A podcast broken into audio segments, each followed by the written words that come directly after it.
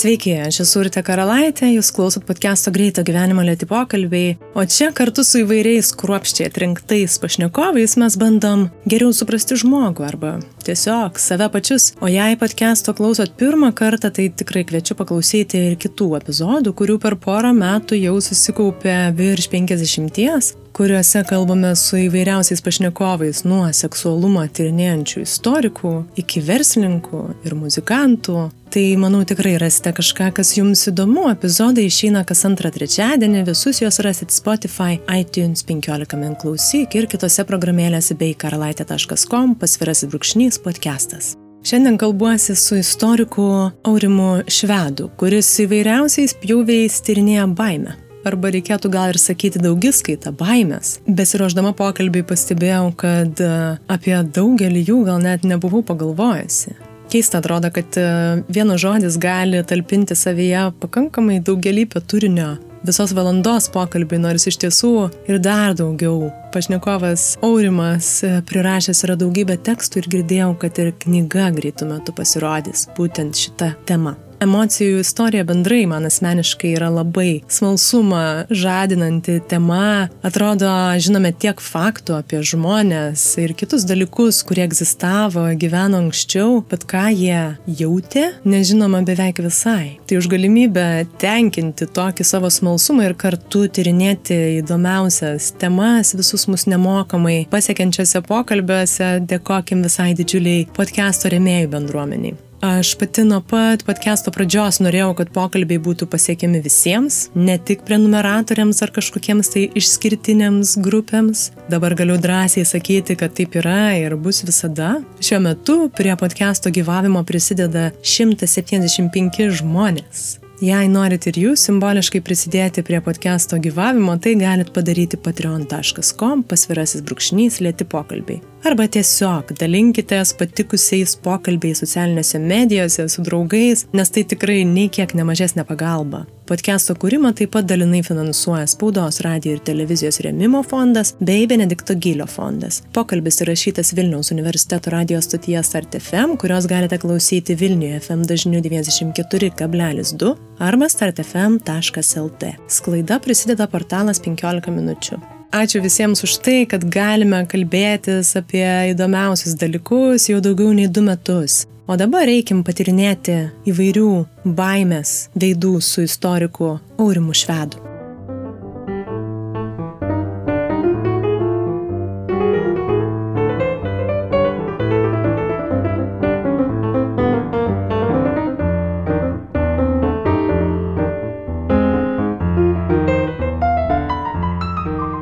Pradžioj man vis tiek iš karto kyla klausimas, jūs esate istorikas, istorija yra beprotiškai plati sritis ir esu tikra, jūs išmanote ir įvairias jos dalis, bet pastaruoju metu, kaip suprantu, jūs fokusuojatės būtent baimės temą įvairiais pjūviais žiūrite, kodėl visgi baimė ir kaip jūs pats prieėt prie tokio jau konkretaus Pasaruoju metu mane labai domina taip vadinami istorijos teorijos klausimai, kurie nukreipia istoriką labai dažnai tokių klausimų link, kurie yra bendri psichologams, filosofams, kultūros istorikams, antropologams, sociologams ir kai kurie iš tų klausimų tiesiog verčia persvarstyti pamatinę problemą, kaip mes jaučiame šiandien, kaip tą mūsų savijautą įtakoja taškas laikė ir erdvėje, kuriame mes esame. Ir tiesą sakant, baimės temą kaip vieną iš mane sudominusių ir pastaruoju metu vis nepaleidžiančią, aš atradau tyrinėdamas pačio savęs ir, ir visuomenės savijautą. Ir čia pats aktualiausias pavyzdys, kuris susijęs su kiekvieno iš mūsų kasdienybė, tai yra baime, kurią mes jaučiame susijusi su netikrumo jausmu ir su grėsmėmis, kurios atrodo, kad slypi ant kiekvieno stalo ar stiklo paviršiaus mes baimingai dabar liečiamės prie daiktų, mes vengiame žmonių, mes e, nebeapsikabiname kaip įprastai. Žinoma, kažkada šitą baimę praeis, mes įveiksime epidemiją, mes surasime vaistus, mes e, atrasime būdus, kaip išgyventi šalia COVID-19, kaip atradome būdus, kaip išgyventi šalia gripo ir kitų epidemijų. Bet yra ir kitų labai intensyvių emocijų, jos gal nesusiveda į tą baimės diapazoną, bet nerimo, netikrumo dėl dabarties ir ypač dėl ateities ir istorikai tada kelia klausimą, kas yra nutikę mūsų gyvenime, kad mums norisi svarstyti klausimus susijusius su baimės raiška. Jūs jau paminėte keletą skirtingų emocijų, tai aš čia, kaip minėjau, jau pradėsiu kabinėtis truputį. Skaitydama vieną iš jūsų tekstų literatūra ir menas žurnale, pastebėjau, kad jūs minit, kad baimė yra viena iš emocijų, bet jinai iš esmės skiriasi nuo kitų. Tai gal norit čia truputį išplėsti, kaip jūs matote skirtumą Aš manau, kad baimė yra tikriausiai viena iš pačių intensyviausių emocijų, kurias žmogus jaučia. Žinoma, ne tik žmonės jaučia baimę, ją jaučia mūsų mini pudelis, kuris gyvena su mumis, jisai, tiksliau, jį baiminasi dėl kitų dalykų, galima sutikti daug gyvūnų, kurie tą emociją jaučia ir mes suprantame, kad jie taip pat išgyvena tai, bet žmogus, žinoma, gali apmastyti savo patiriamą šitą intensyvę emociją, mes esame suteikti prasme, įsimbolinti tam tikrus dalykus gebantis padarai ir todėl iš tiesų tai yra ypatinga emocija, kuri išreiškia mūsų santyki su pasauliu, labai daug pasako apie mus pačius. Tiesą sakant, gal net daugiau pasako apie mus pačius negu apie objektą, kurio mes bijome. Kažkuria prasme baimė yra tikriausiai langas, per kurį 21 amžiaus žmogus žvelgia į realybę ir todėl man ta emocija atrodo išskirtinė, nes mes, nepaisant to, kad kiekvienas istorikas pasakytų banalybę gyvename tikriausiai patogiausiai ir saugiausiai lyginant su bet kokios kitos epochos žmonėmis, vis tik tai šalia nuobodulio, persisotinimo įvairiais dalykais, kita labai intensyvi emocija, kaip sako vienas filosofas Lars Svensson, yra šalia kaip dvynė sesė visą laiką. Taip, jūsų ir dabar minimas filosofas Svetsenas ir jūs pritarėt, kad būtent baime kaip mūsų gyvenimo dominantė, jinai visais laikais ir visų civilizacijų galbūt e, pagrindas vienu ar kitu aspektu buvo. Be abejo, tai tas santykis keičiasi, bet kaip vat, būtent šita emocija įgauna tiek daug reikšmės ir siekiama ją dirginti, na vėlgi jūs irgi tyrinėjate ir, ir politinį, ir įvairiausius prieimus. Be jokios abejonės, kad e, tiek antikos, tiek viduramžių epochos, tiek užkimstančio naujojo pasaulio žmonės taip pat jautė baimę, tai yra natūralu. Galima sakyti, kad e, praktiškai didelė dalis mūsų 21 amžiuje pasiekusių praeities reliktų, kurie atkeliavo iki 21 amžiaus, kalba apie vienokią ir kitokią baimę. Jeigu mes pažiūrėtume į Vilniaus miestą, jį supusę sienas, tai yra paminklas baimiai. Miestiečiai, Vilniečiai statė sienas, kad apsiginti nuo tų kitų, kurie gali ateiti, sugriauti, sudeginti, atimti, sužeisti, nužudyti. Storos sienos sienos, įvairiausi instrumentai, net būties dalykai labai dažnai pasakoja apie įvairių epochų žmonių jaustas įvairias emocijas, tame tarpe ir, ir baimės jausmą, ir savisaugos jausmą. Taigi tai yra kaip prizmė, per kurią mes žiūrime į pasaulį, per kurią mes interpretuojam pasaulį. Ir tai yra, na, evoliucionistas, koks pasakytų, stiprus savisaugos ir kartu kūrybos impulsą atliekantis jausmas, nes reikia bijoti žmonių, kurie nebijo, kurie nejaučia baimės, jie yra pavojingi ir savo, ir aplinkiniams, nes jie yra pasiryžę be to dairiškai rizikuoti. Ir ta rizika labai dažnu atveju pasirodo nepamatuota ir, ir sukelia daug problemų. Tuo tarpu, jeigu kalbėt apie šiandienos žmogaus savijautą, aš manau, kad ją ypatingai įtakoja tai, kad mes gyvenam stikliniuose namuose. Mes gyvename realybėje, kurioje dažnai nebeatsakom į klausimą vienareikšmiškai, kas yra vieša, kas yra privatu, kaip tai, ką mes parašėme savo draugų ratui socialinėme tinkle, staiga tampa kažkodėl žiniasklaidoj aptarinėjimų dalykų, jeigu mes pasidalinom kažkokią kontroversiją, jeigu mes aštriai labai suformulavom kažkokią mintį, galbūt kažką įskaudom, galbūt kažką įžeidėm, mes gyvename tokioj intensyvioj nuomonių, nuotaikų ir žinių apykaitoj, kad žiniasklaida dirbdama su mumis ir, ir reikalaudama bent šiek tiek mūsų nuvargusio proto dėmesio, dažniausiai tą dėmesį gali gauti tik tai pasakodama įvairias siaubo istorijas. Kaip Hegelis sakė, istorija yra kaip skerdikla, kurioje pražūsta žmonės, tautos, valstybės ir tą kasdieninę mediją tarytum bando mums priminti įvairiais rafinuočiausiais būdais, pasakodama keišiausias istorijas apie užnuodytą vandenį, kunigus pedofilus, įvairias, nežinau, epidemijas, kurios siaubia pasaulį, uraganus ir panašiai ir panašiai. Viena vertus niekada negyvenom taip saugiai, kita vertus niekada tiek daug nekreipiam dėmesio tikriausiai į tuos pasakojimus apie grėsmes ir didžiulės nelaimės, kurios esą mūsų laukia. Taigi keistas toksai santykis. Turėtume, tarytum, džiaugtis tuo, kur esame, bet visą laiką gūžiamės, kai įsijungiam televizorių, nes, nes iš tiesų dažniausiai mums pasakoja tik tai negerus dalykus. Taip, čia berots su psichologu Antanu Kairiu mes kalbėjome apie būtent negatyvios informacijos trauką tam tikrą, kad psichologija būtent evoliucinė turbūt tą ir sako, kad mūsų siekis, na, išgyventi ir apsiginti nuolat fiksuoja tuos pavojus ir nuolat bando fiksuoti tą visą negatyvų jų srautą, kad galėtų padėti mums išgyventi.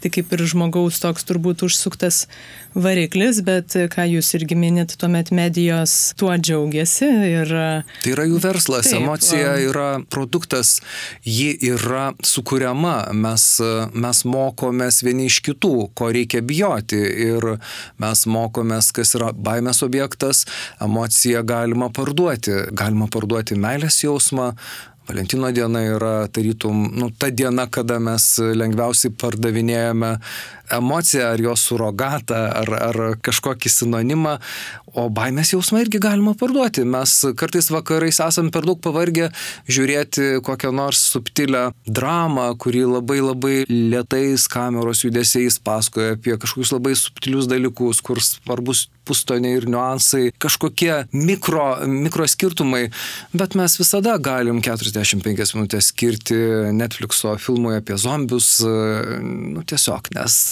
gaunam kažkokio adrenalino pasibjaurėjimo, nežinau ko dozę, bet tai mums kartais atrodo kaip gera pramoga ir kartais tai yra tiesiog kaip duona kasdieninė, kurią mes perkam dideliais kiekiais.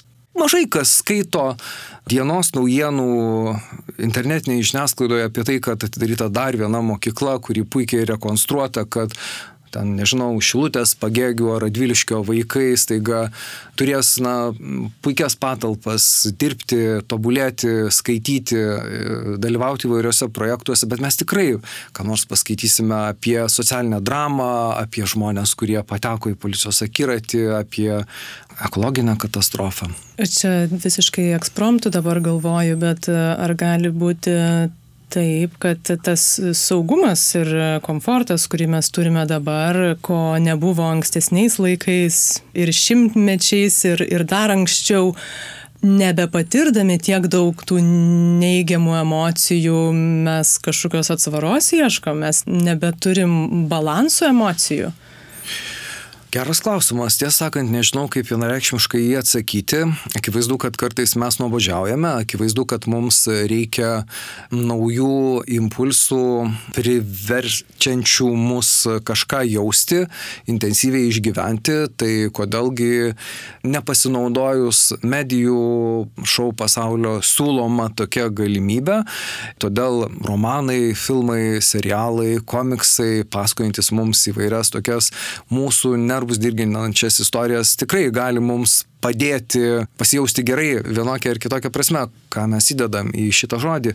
Kita vertus, egzistuoja objektyvūs dalykai, kurie šiandieno žmogų verčia jaustis taip, kaip jis jaučiasi. Tarkim, dabar tai galbūt, ką pasakysiu, pasuks mūsų pokalbį visai kita linkme, bet kalbėdami apie dabarties žmogų, mes kalbame ne tik tai apie žmogų, kuris gyvena stiklo namuose, kuriuose viskas permotama ar viskas labai trapu, viskas vieša ir privatu metu, viskas susiję socialinių tinklų, viešos erdvės, žiniasklaidos, integracijos, glaudaus koegzistavimo prasme, bet tame stiklo name gyventys žmonės, jie užsima tokia nuolatinė Lego kubelių dėlionė, kaip sakytų Tomas Hilland Eriksen, nuolat mano prisimenamas antropologas iš Oslo universiteto. Mes gyvenam tokioje epochoje, kuri leidžia mums gerai jaustis, daug vartoti ir mes vartojame ne tik tai daug įvairiausių paslaugų ir daiktų, bet ir idėjų. Mes nuolat perkuriame savo tapatybės žaisdami Lego kubeliais, nelabai turėdami galutinio scenarijaus, ką mes darome. Tai yra viena vertus ir labai šaunu, kita vertus ir dramatiška, nes visiškai gerai, kai 18-metis ieško savęs visiškai gerai šiuolaikinės visuomenės požiūriu, kai 30-metis ieško savęs. Normalu, kad 40-metis išeina į paieškų kelią, sako mes, nes tai yra žmogaus teisė. Ir mes raginam tą daryti 50-metį ir, ir suprantam 60-metį, bet visa tai yra susiję ir su dar vienu dalyku, apie ką kultūros istorikai, istorijos teoretikai neretai bando kalbėti tapatybės trapumas, jos tasumas, takumas yra tokio vidinio nuolatinio nerimo dalykas ir kuomet mums niekaip iki galo sudėlioti aiškių atsakymų, žaidžiant tais tapatybiniais lego kubeliais, kas mes esame, nepavyksta, mes jaučiam nerimą, jaučiam baimę, kitaip sakant, tam tikri dalykai mums atrodo labai realūs, kurių mes bijome.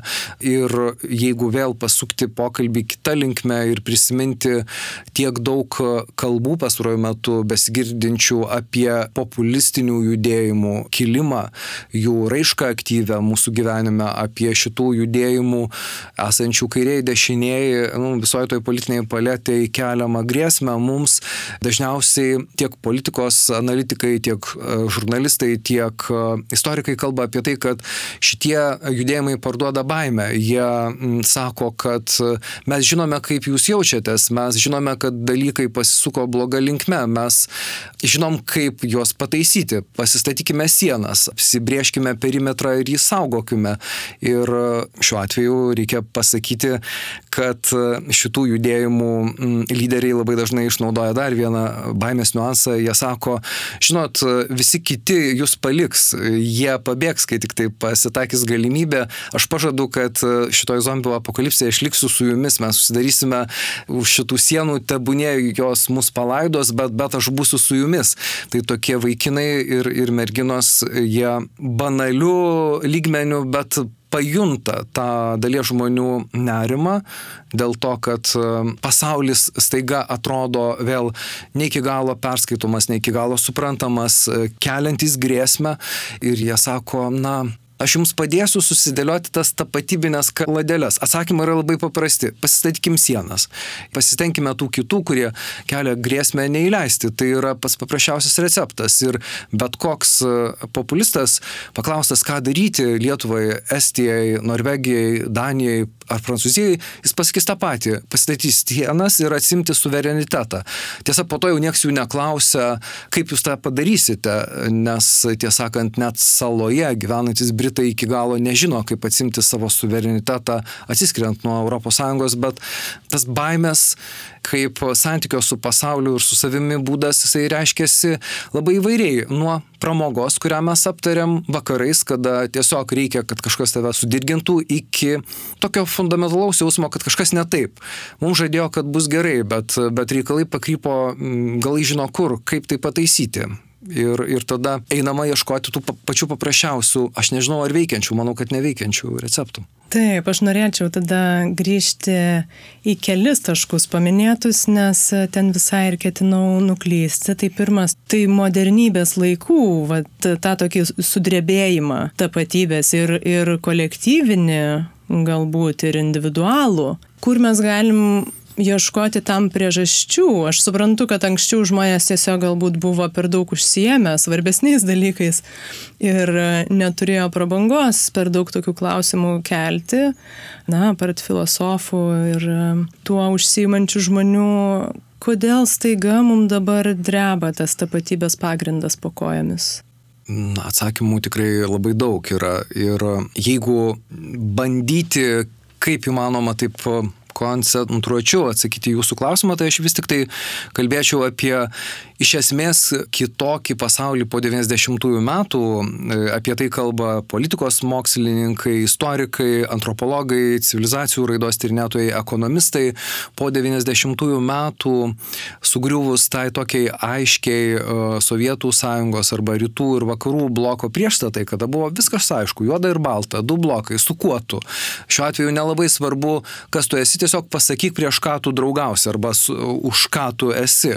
Tai šit šitoj daugiapolio pasaulio situacijoje, apie kurią žymus Lenkų kilmės amerikiečių geopolitikas, didysis geopolitikos strategas Zbignevas Bžezinskis yra pasakęs, kad tai yra nuvažiavęs nuo bėgių pasaulis, nebevaldomas pasaulis, o tas pats Tomas Hilland Erikson yra suformulavęs metaforą, kad tai yra perkaitas pasaulis, greitai labai besivystantis pasaulis tas greitai jau šiuo atveju nereiškia gerai, tai reiškia daug, labai intensyviai iki išsekimo ribos tam tikros šitame daugiapoliame pasaulyje. Procesai, tie globaliniai procesai, greitai vykstantis procesai, jie skrodžia visuomenių, valstybių sienas, nelabai delikačiai beselgdami su tom visuomenėm ir valstybėm ir, ir visiškai natūralu, kad ypač mažų tautų, mažų visuomenių atstovai jaučiasi lyg gyvendami skersvyje, kuomet žmogus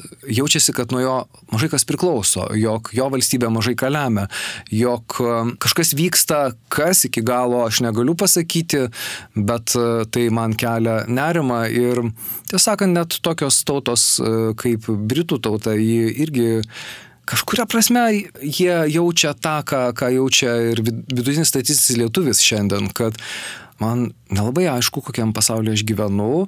Aš jaučiu, kad ta globalizacija turi ir gerų, ir blogų bruožų. Aš daugiau noriu telktis į blogus bruožus. Man atrodo, kad, kad globalūs procesai yra didelis iššūkis man, e, mano vertybėm ir idėjom. Tai būtų tas paprasčiausias atsakymas, kad mes vis dar mokomės gyventi pasaulyje, kuriame aiškių sambuvio taisyklių nelabai yra, mes jas atradinėjom ir bandome procese, kuomet procesai vyksta greičiau, nei mes galim juos prognozuoti. Sakoma, jog ta baimės emocija labai dažnai sugriauna ekonomikas vien todėl, kad akcininkai įsigasta ir nutarė tiesiog perkelti uh, savo investicijas ir dėmesį iš vienos šalies į kitą ir tai dažnai vyksta vien todėl, kad pasigirsta gandas, esą kažkas perkaito, esą kažkas netvaru. Mes gyvenam pasaulyje, kuriame politikai politiką suvokia ne kaip tam tikrą bendrojo gėrio kūrimą, o kaip pažadų netesėjimo meną, nes čia yra svarbiausia, kaip parduoti pažadą ir po to būti dar kartą perinktam jo netesėjus. Tai mes gyvenam tokioje situacijoje, kurios iki galo nesam apmastę ir jos nesuprantame. Ir tiesąkant, kiek man teko kalbėti su įvairiais politikais, antropologais ir istorikais, dirbančiais įvairiuose universitetuose, Deja, didžioji jų dalis konstatavo tą patį. Mes stebim šį pasaulį nuostabos e, kupinai žvilgsniais. Mes dėja kai ko nesuprantame ir, ir nebijom pasakyti, kad kartais nesuprantame ir didžiosios dalies dalykų, kurie vyksta realių laikų prieš mūsų akis. Tai yra labai įdomu, bet kartu ir šiek tiek baugina. Ir baugina todėl, kad to nesupranta ir visuomenė.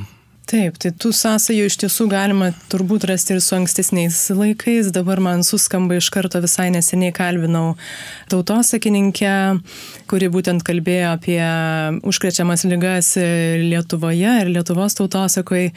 Tai va to nesuvokimo ir mistifikavimo to, na, kadangi mums nepažinus kažkokie tai procesai, dalykai, jūs e, minit ir, ir jūrą, kuri su savo grėsme kažkokia nebūtinai realia ateina, kad žmogus ankstesniais laikais irgi to labai bijo, dabar mes jau tarsi tiek visko žinome ir išmanome, kad iš esmės turėtų lyg ir viskas virsti priešingai, kad mūsų ta baime tarsi mažėtų ir va čia galima galbūt paliesti tai, kad be abejo ne tik realių objektų ir dalykų yra bijoma ir nežinomybė neužtikrintumas identiteto vėlgi kažkoks ne, netvirtumas yra vieni iš tų, kas galbūt šio laikinių žmogų labiausiai kelia tą baimės ir nerimo jausmą, kaip galima atskirti tuos realius ir nerealius baimę keliančius objektus, nes aš kažkaip matyčiau, kad tie, kurie yra realūs, kas tai bebūtų, na, net jeigu tai ir yra priešas, tai tą problemą lyg ir lengviau priimti ir išspręsti, kiek įmanoma. Tuo tarpu su nerealiais, kaip mes galime tuomet gyventi su jais, kai tai praktiškai nėra sprendžiama.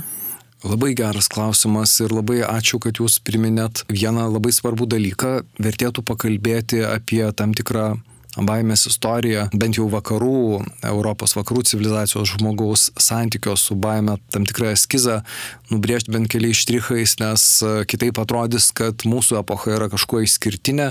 Jūs paminėjote viduramžių epochos žmogaus santyki su baime. Iš tiesų įspūdinga baimės paletė. Tuo metu buvo, žmonės bijojo tamsos, jie bijojo jūros, jie bijojo miško, bijojo kelionių, bijojo kaimynų, bijojo palikti savo įprastą miestą. Žinoma, daug keliavo, buvo mobilus, bet, bet ta baimė buvo didžiulė, bijojo karo, bijojo negandų, gaisrų, begalės lygų. Man čia tikrai labai patinka rašytojos Kristinos Sabaliauskaitės tokia mintis, kad moteris dabar besilaukdama kūdikio perka drabužėlius ir svajoja apie pilnatvės kupiną gyvenimą. Tos epochos, apie kurią jį rašo Silvarerum, romanų cikle moteris, sužinojusi, kad jinai laukėsi vaiko, pirmiausia pagalvodavo apie mirtį, apie tai, kad e, tai gali būti jos asmeninio e, gyvenimo finalinis e, akordas - vaiko laukimas. Taigi Europa viduramžiais bijojo begalės dalykų ir, ir galbūt, ką sako mentalitetų istorikai, baisiausia viduramžio epochos žmogui buvo pažvelgti į veidrodį ir konstatuoti, kad didžiausią grėsmę tas žmogus kelia pats savo. Aš kalbu apie žmogaus baimę prarasti savo sielą. Geram krikščioniui tai buvo viena iš svarbiausių baimių. Aš norėčiau iš to ekskursų padėti mums prisiminti, kad nesame išskirtiniai bijodami. Mes visą laiką kažko bijojome ir dabar bandau atsakyti jūsų klausimą, kaip atskirti, kas realu ir, ir nerealu. Niekaip. Tiesą sakant, čia yra didžiausia mūsų drama, kad mes dažnai negalim atskirti, kas yra realu ir kas nėra realu rašydamas tekstą apie baimės raišką, kuomet netikros baimės tampa realiomis, aš citavau Amerikos žurnalistų atliktus tyrimus apie penktos kategorijos uragano Katrina pridarytą seibės naujajam Orleane ir, ir rėmiausi atliktais tyrimais, kurie rodo, kad nacionalinė žiniasklaida paskodama apie skęstantį šitą gražų įstabų miestą, jį apgaubė e, švino debesimis.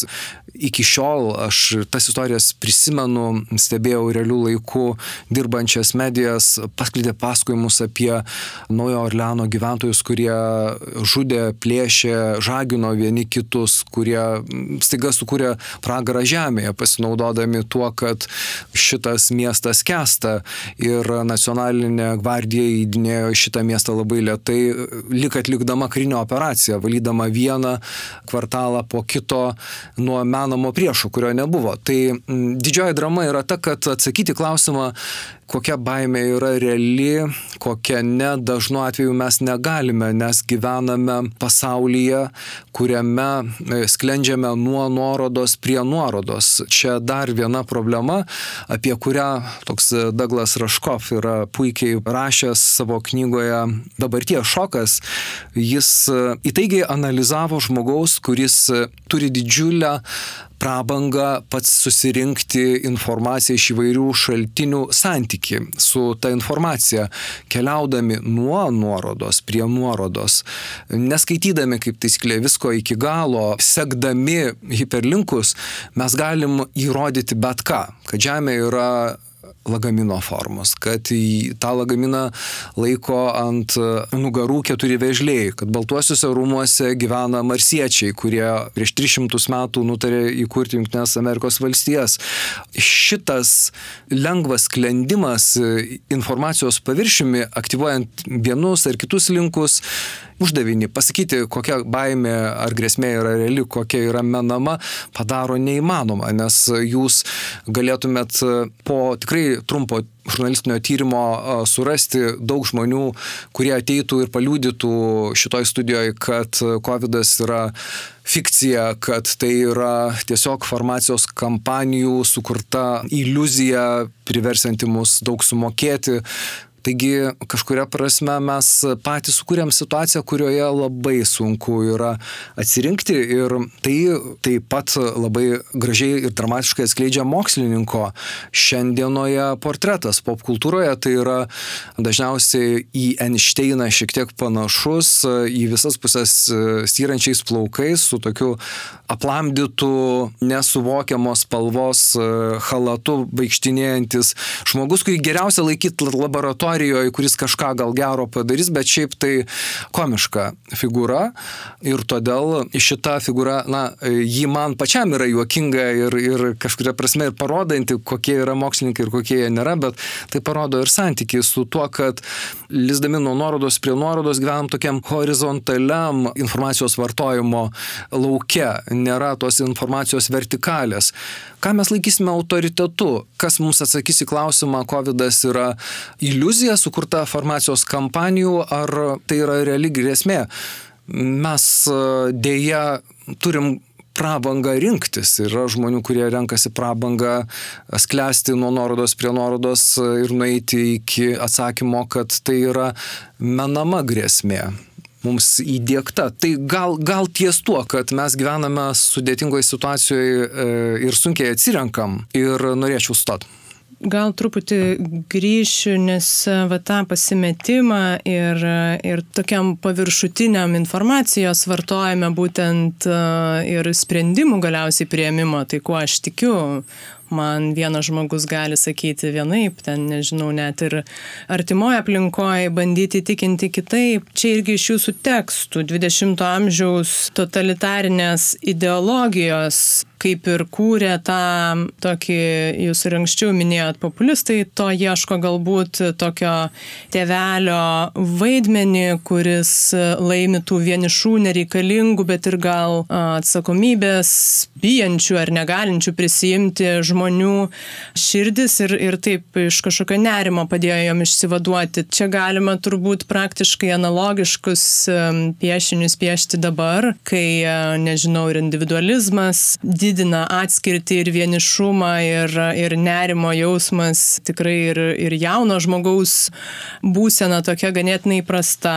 Ar mes galime tada pastebėti, kad žmogus vėl tarsi grežiasi ir ieško, kas bus jo tas tėvelis ir, ir tą atsakymą jam suteiktų visgi. Tai čia labai įvairiai galima pažiūrėti ir, ir religijos kažkokių tai atstovų ar kažkokių tai dvasinių gurų ieškojimų ir politinių veikėjų, kurie ateitų ir tau viską pasakytų ir dar, kaip jūs ir minėjot prieš tai, dar pasakytų, kad aš visada būsiu su tavimi. Niekada tavęs nepaliksiu, Taip. net sunkiausia akimirka, žūsime sugriuvus tom sienom, jeigu jos grius ir pasilaidosim kartu. Tai, ką jūs paminėjote, tikrai labai taip įdomiai, išraiškingai yra politikos teoretikas Robinas Korei knygoje Baimė, politinės idėjos istorija, kuri buvo publikuota 2004 metais, yra aprašęs ir, ir jo pamatinis teiginys yra, kad paprastai politinė baimė turi savo istoriją, kad ji skleidžiasi tampriai susisaišiusi su konkrečia socialinė, politinė, kultūrinė, ekonominė būklė ir hierarchija.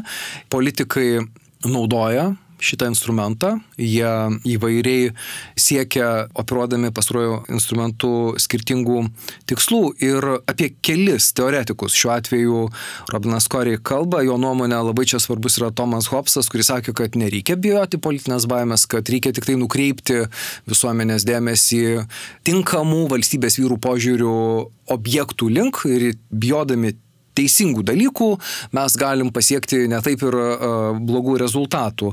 Šalis Montesquieu, anot Robino Koriai, laikėsi kitos nuomonės, jis sakė, kad tai yra, politinė baimė yra despoto instrumentas, kurį jisai tikrai panaudos prieš visuomenės valią ir pasitikėti, kad valstybės vyrai atras teisingą objektą baimės ir visuomenės dėmesį nukreips e, tą linkmę neverta.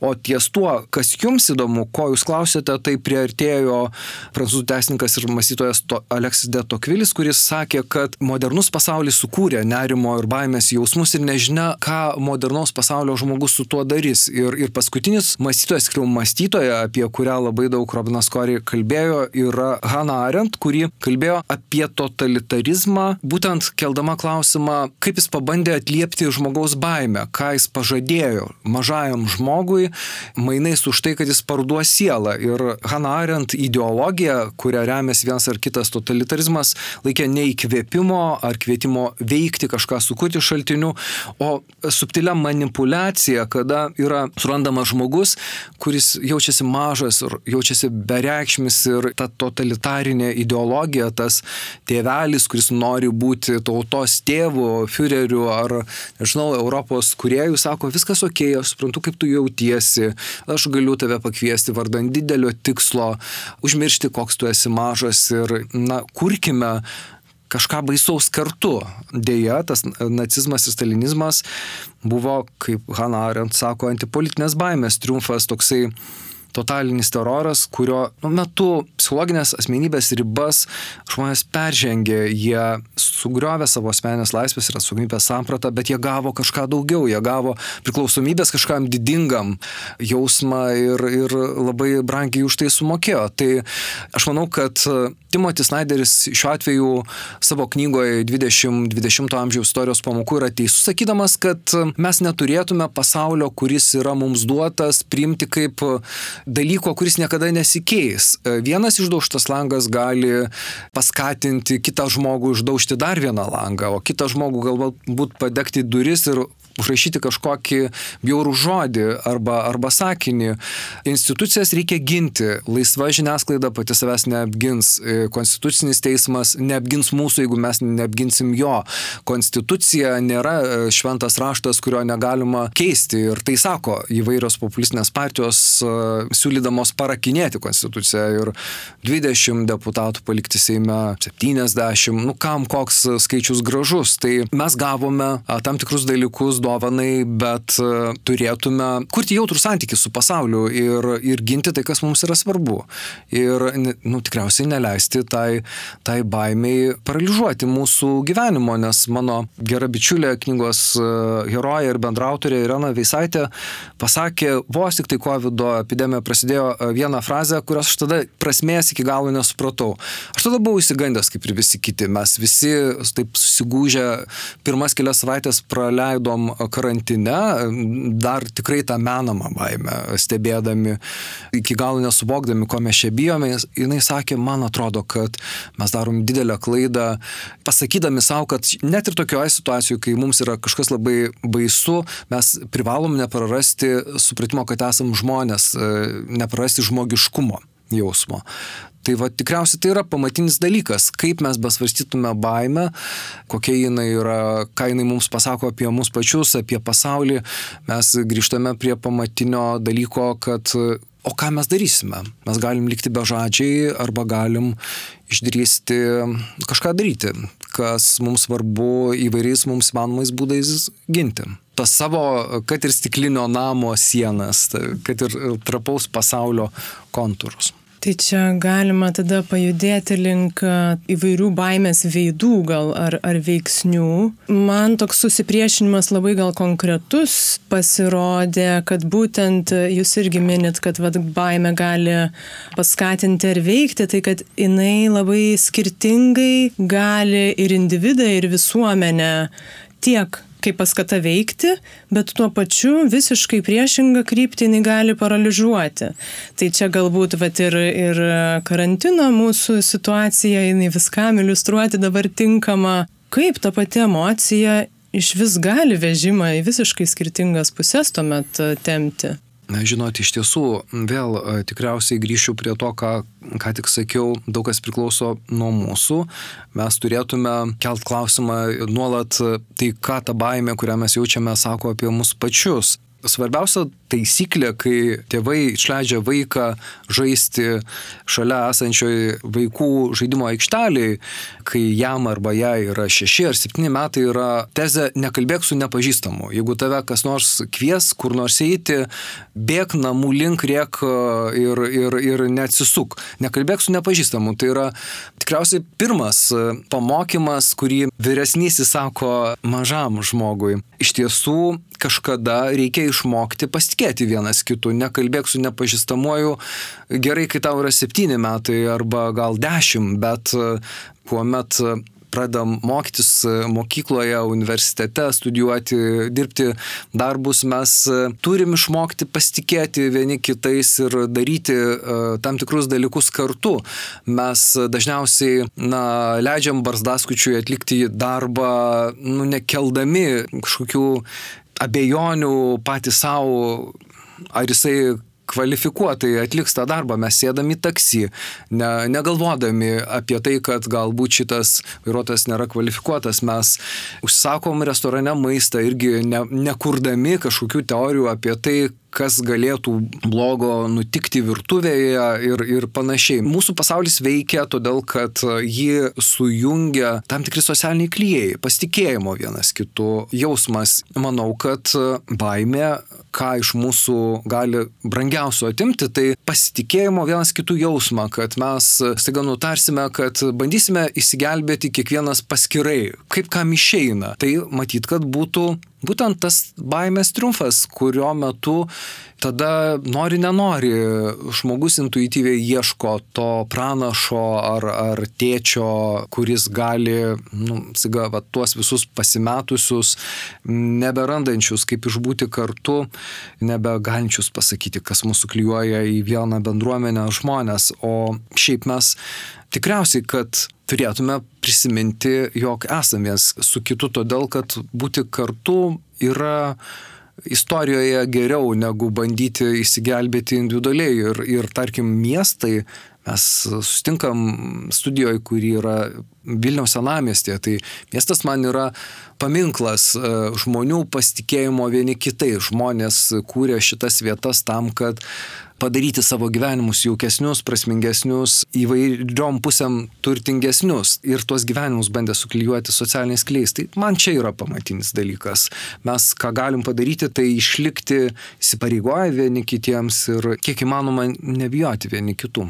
Man labai įdomu, jūs vis ir grįžtat prie to paties, kad e, bet koks tas baimės veidas visgi kaip ir veidrodžio atsisuka į mus, kad visgi apie mus kalba, ne apie tą objektą ar veiksmą. Man kad... tai atrodo vienas, vienas iš svarbiausių dalykų, kai keliam klausimą, kodėl kalbėti apie baimę, tai todėl, kad mes pakalbėsime apie save pačius.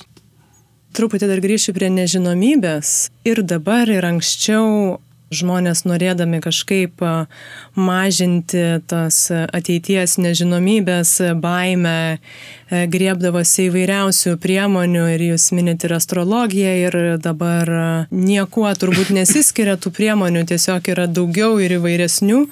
Čia man įdomu iš va šiandieninės prizmės pasižiūrėti, kai žmogus, na, turi ir ganėtinai išvystytą ir loginį mąstymą ir iš tiesų tai net ir mano pažįstami žmonės, kurie tas priemonės naudoja, jie logiškai supranta, kad tai yra iliuzija, bet tarsi iliuzija yra geriau negu nežinomybė. Kad jie tą atsakymą, nors tarsi ir suprasdami, kad, nežinau, kavos tirščiai tikslios ateities galbūt ir nenupieš, bet yra lengviau negu gyventi su nežinomybė kaip istorikas galėčiau atsakyti į šitą klausimą keliais būdais. Tai mes, praeities tyrinėtojai, dirbame su praeities e, ženklais, kurie yra labai dažnai chaotiški. Aš nuolat duodu tą patį pavyzdį.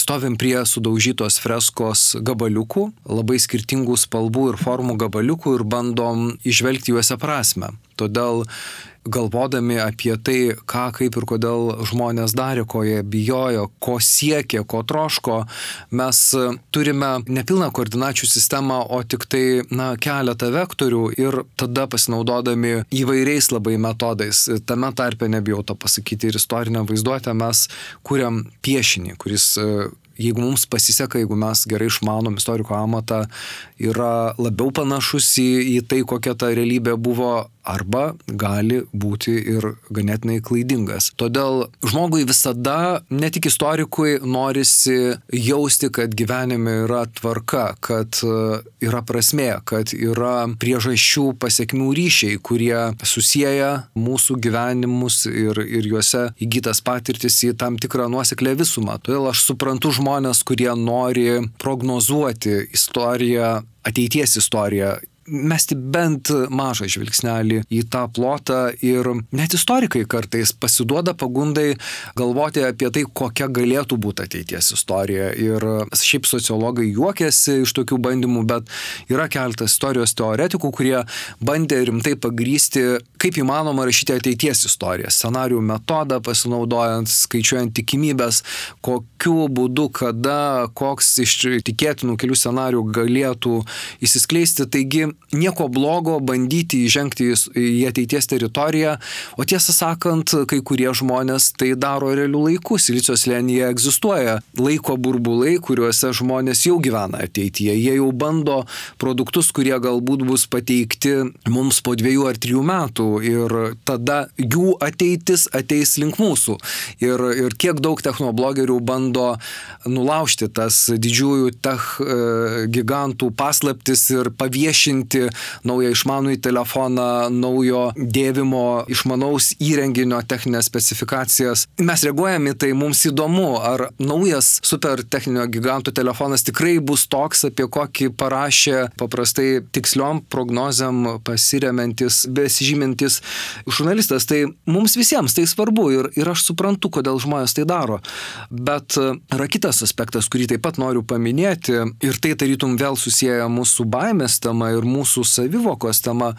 Pastaruoju metu istorijos teoretikai ir humanitarai, dirbantis įvairiose srityse, kalba apie jiems nerimą keliantį ženklą, kad žmonės nebenori prognozuoti ateities, nes jos bijo ateitis, kurioje tikėtina, kad bus labai sunku išgyventi dėl per didelio užterštumo, dėl vandens stygiaus, dėl karščio bangų, kurios esą alins didžiuosius miestus, paversdamos tuos miestus karščio salomis, kuriuose bus nekomfortiška gyventi. Ateitis, kurioje galbūt didelė dalis rūšių, kurios gyvena šalia mūsų, išmirs arba bus ant išmirimo ribos, jinai gazdina. Ir, ir tada, sako tie mano minėti, minėti mokslininkai, e, šiandieno žmogus renkasi keistą būdą. E, modernybėje tai buvo neįsivaizduotina. Mes nenorim ateities ir bandom ją atidėlioti. Ir sakom, tai gal mes prateskim dabartį dar šiek tiek, dar šiek tiek, kad tas klimato atšilimas arba, nežinau, kažkokia kita apokalipsė neateitų. Ir viena vertus distopiniai serialai, kurie sako, kad e, mūsų laukia tokia ateitis be elektros arba be vaistų arba sergančioje žemėje, kurioje dalis žmonių praras praras žmogišką pavydalą ir, ir vaikščios gatvėmis ir, ir puldinės vieni kitus ir kandžios tie serialai apie zombių apokalipsę. Viena vertus tai yra tokia pramoga, kurią mes pervargę po darbo galim pasimėgauti, šiurpindami artimuosius, bet kita vertus tai yra simptomas. Mes pradėjom bijoti ne tik tai to, kas yra šalia arba toli, bet ir ateities. Ir, ir dažnu atveju žmogus jau ir nebenori galvoti apie tą ateitį, nes, kaip sako, žmonių išnykimo manifestą parašė, yra toks judėjimas. Dalyviai, gyvenkim pilnavertiškai ir tiesiog išnykime. Ir šito žmonijos išnykimo judėjimo atstovai, jie rimtais veidais tikina, kad e, turėti vaikų beprasmiška, kad tai yra nusikaltimas žmonijos ir vaikų atžvilgių, kad jie bus pasmerkti kančioms ir todėl geriausia, ką galim daryti, tai tiesiog išnykti, ne, nepratęsę savo egzistavimo. Man tai yra viena iš siaubingesnių kvailysčių, kokias tik tai begalėčiau įsivaizduoti, bet ji verčia pasakyti vieną dalyką, labai paprastą dalyką, kad jeigu mums ta ateitis yra baime kelianti, tiesą sakant, mes neprivalome e, gyventi zombių apokalipsėje, mes turim sugalvoti, o kokios mes ateities norėtume. Ir tada atsakyti klausimą, tai o kaip tos e, šiek tiek vilties paliekančios ateities mums pasiekti. Aš norėčiau, kad e, žmonės ir toliau norėtų išvelgti kažką ateityje, e, sukurti jos scenarius taip jau geriau, negu bijoti tos ateities ir jos nelaukti ir prisidėti prie žmonijos išnykimo judėjimo atstovų. Tai kažkas tokio yra labai įdomus, apie ką galėtume tikriausiai labai daug kalbėti. Įdomu e, tas, kad iš tiesų nuo to, kokiu scenarijumi mes pradedame tikėti, labai priklauso ir mūsų dabartiniai pasirinkimai. Na, jūs minit, vat, ar, ar turėsime vaikų ar ne. Tai vėlgi mes norim tada užbėgti į priekį, nusipieš kažkokį scenarijų tam, kad galėtume dabar nuspręsti, kaip gyventi šiandien. Nes kažkuria prasme taip, kažkuria prasme taip, mes, mes turim įsipareigoti ateičiai, turime jos norėti, mes neprivalom jos bijoti, jinai tikrai nebūtinai bus tokia baisi, kaip, kaip piešia distopiniai televizijos serialai, bet tai irgi priklauso nuo mūsų, mes, mes šiandien renkamės ir tai žinoma yra santykėje su ateitimi. Ir santykėje su kitais. Čia jūs, jūs kaip, na, vėlgi man taip visi taškai kažkaip susijungia, kalbėjome apie tą mažą žmogų, kuris atsiskyręs, gal vienišas, gal nereikalingas jaučiasi. Ir labai kenčia dėl to, taip. Ir tuo pačiu, na ir tokiuose klausimuose jis nesijaučia galintis kažką padaryti, tai nebent vėlgi atsiranda kažkoks vedlys, kuris apjungia tas jėgas ir čia sujungia ir jūsų mintis ir be abejo ir apie bendruomenę kad taip, po vieną mes daug turbūt nepakeisim ir apie, kalbant apie ateitį, bet parbėgsiu aš dabar prie šitų vienetų, prie savęs, prie individų, mūsų visų. Jūs minėjot anksčiau apie krikščionio požiūrį į save patį kaip į priešą, tai tuomet... Kaip į grėsmę, kaip, taip. kaip į žmogų, kuris pats save gali pražudyti.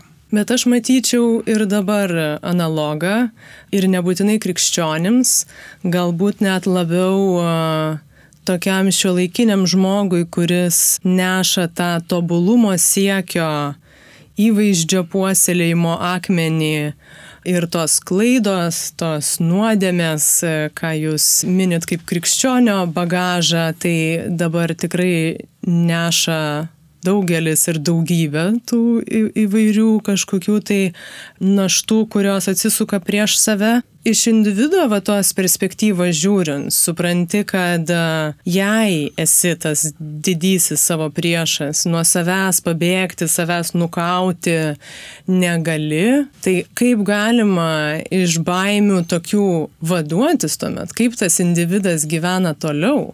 Tikriausiai universalaus atsakymo nėra ir aš tik tai galėčiau kalbėti apie savo asmeninę patirtį. Jeigu daugeliu atveju baimės objekte mes matom ne, ne tikrą baimę, bet matom savo atvaizdą, tai Mano atsakymas būtų labai paprastas. Mes pirmiausia turėtume surasti sugyvenimą su savim pačiu kažkokiu būdu. Tada tikriausiai bus įmanoma ieškoti dialogo, akių kontakto, supratimo, empatinio ryšio su kitu. Tada tas e, ryšys galėtų būti mano mokytojas Edvardas Gudavičius, nors jis ir buvo viduramžių epochos e, specialistas, bet daug iš jo išmokau labai Jis yra kažkokiam interviu pasakęs tokią frazę, kuri nu, yra banali, bet tik tai iš pirmo žvilgsnio, jeigu žmogus bus laimingas, nu, visa kita ateis savaime. Tai žinoma, čia galima labai kalbėti apie tai, o ką mes įdedam į tą laimės jausmą,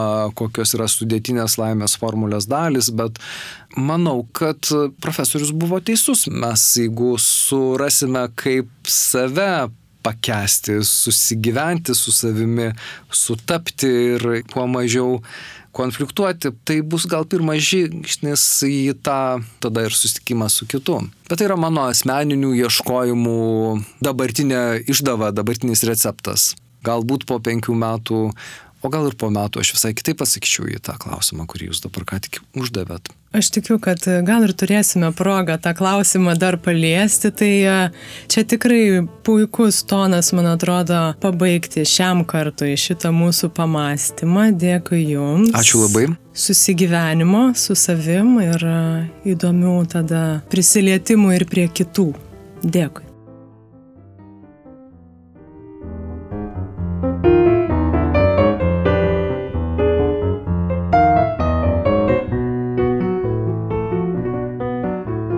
Ačiū, kad klausėtės. Pokalbio pabaigoje iš tiesų pajutau, kad atsidarė tiek daugybė skirtingų durų ir būtų galima tą pokalbį įvairiausiamis kryptimis tęsti, vien tik tai apsiribojant tą labai labai plačią baimės temą. O šią akimirką, kas jaučiu, kad man labiausiai įstrigo, ką ir kelis kart pakartojom, kad tos baimės iš tiesų daugiausiai kalba apie mus pačius kaip e, veidrodis, kaip ir kitos turbūt emocijos, bet e, iš šio pokalbio galim turbūt pagalvoti, kiek um, skirtingų baimių mūsų supa ir mes patys jaučiame kartais ir kokį iš tiesų nemažą vaidmenį, vad štai ir istorijoje ta emocija ir būsena vaidina. Todėl tikrai, man atrodo, visai vertinga pasižiūrėti, ką jos sako apie mus pačius. Nepraleiskit naujų epizodų sekdami podcastą Instagram ir Facebook paskiruose arba prenumeruodami į audio platformose. Podcast'o kūrimą dalinai finansuoja Spaudos, radio ir televizijos rėmimo fondas, Benedikto Gylio fondas ir jūs visi